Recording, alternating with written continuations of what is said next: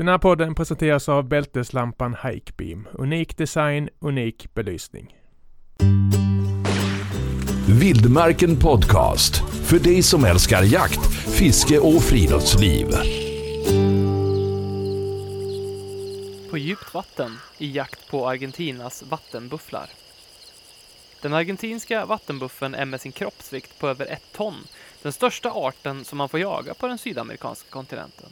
Och för en ung dansk bjöd jakten på vanvettigt stora upplevelser. Öar av träskväxter, väggar av vass och tät vegetation susar förbi på nära håll. Vi befinner oss på en liten båt som i full fart tar oss fram genom ett komplicerat system av bruna floder och sjöar i ett av Argentinas stora träskområden. Outfitten Sergio Winitsky har anlitat en lokal fiskare för att guida oss genom de snirkliga vattenvägarna och utan hans hjälp skulle vi aldrig hitta varken in eller ut härifrån. Vi har tillryggalagt mer än 40 kilometer när vår skeppare äntligen styr inåt land. Där uppe ser vi en fyrhjuling och vår chaufför Mario, som är vår kontakt på farmen där dagens buffeljakt ska äga rum.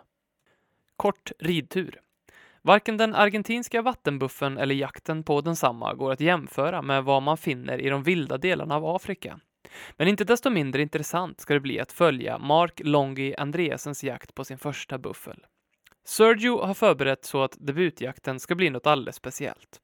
Förutom den fantastiska seglatsen, som i allra högsta grad har kickstartat jakten, så har Sergio sett till att Mario tillsammans med några gauchos, alltså argentinska cowboys i traditionella kläder, förberett några hästar till oss. Anledningen till att vi ska rida ut är dels att bufflarna riskerar att slå långt ut i terrängen, dels att området är översvämmat och att Sergio vill hålla våra strumpor så torra så länge som möjligt. Men planerna ändras då vi redan i början av ridturen får syn på våra första bufflar. Därefter fortsätter jakten till fots i flera kilometer i sumpvatten och träskmark. Långt ute på en översvämmad gräslätt står två gamla buffeltjurar. De står inte många meter från ett område med tätt buskage, men området framför dem erbjuder ingen täckning. Om vi ska komma tillräckligt nära måste vi göra en lång omväg runt djuren, med täckning och med god vind.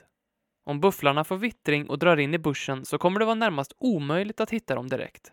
Detta eftersom vegetationen är tät och eftersom vattnet står flera centimeter djupt överallt, något som gör det omöjligt att spåra djuren.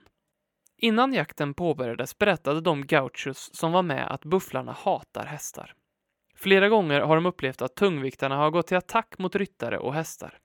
Därför blir planen att gauchon ska rida runt de två bufflarna för att dra till sig deras uppmärksamhet samtidigt som vi andra omringar dem. Kort därefter ser vi bufflarna reser på sig och riktar sin uppmärksamhet åt höger. De har fått syn på hästar och ryttare. Våra gauchos är så långt borta att bufflarna inte går till angrepp utan håller sig istället på sin plats. Den sista delen av jakten kan inledas. Inte tillräckligt stor.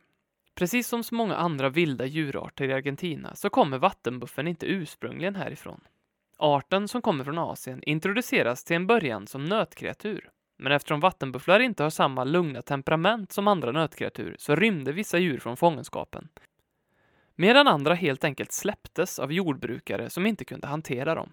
Idag lever den asiatiska vattenbuffen, som inte omedelbart liknar den asiatiska vattenbuffen som finns i Australien, mer eller mindre fritt i flera områden i det stora landet.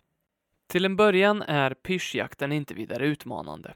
Vattnet når endast till anklarna, vegetationen är inte speciellt tät och djuren är så långt borta att vi relativt snabbt kan ta oss framåt i terrängen. Med jämna mellanrum smyger Mark ut i utkanten av buskaget tillsammans med en av guiderna för att kontrollera ifall djuren är kvar på samma positioner. Under en sådan manöver får de plötsligt kontakt med en tredje buffeltjur, en gammal dagaboy, som har legat i det höga gräset.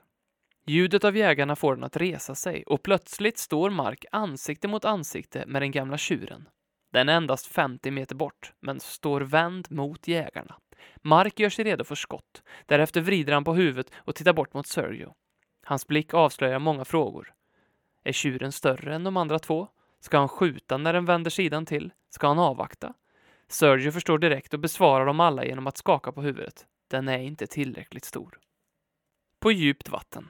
Det är sällan så torrt att vi går på barmark eller endast på lera och efterhand som vegetationen blir tätare blir vattnet djupare och djupare.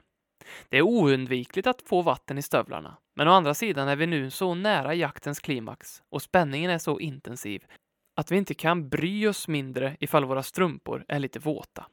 De sista metrarna in måste vi till och med krypa fram.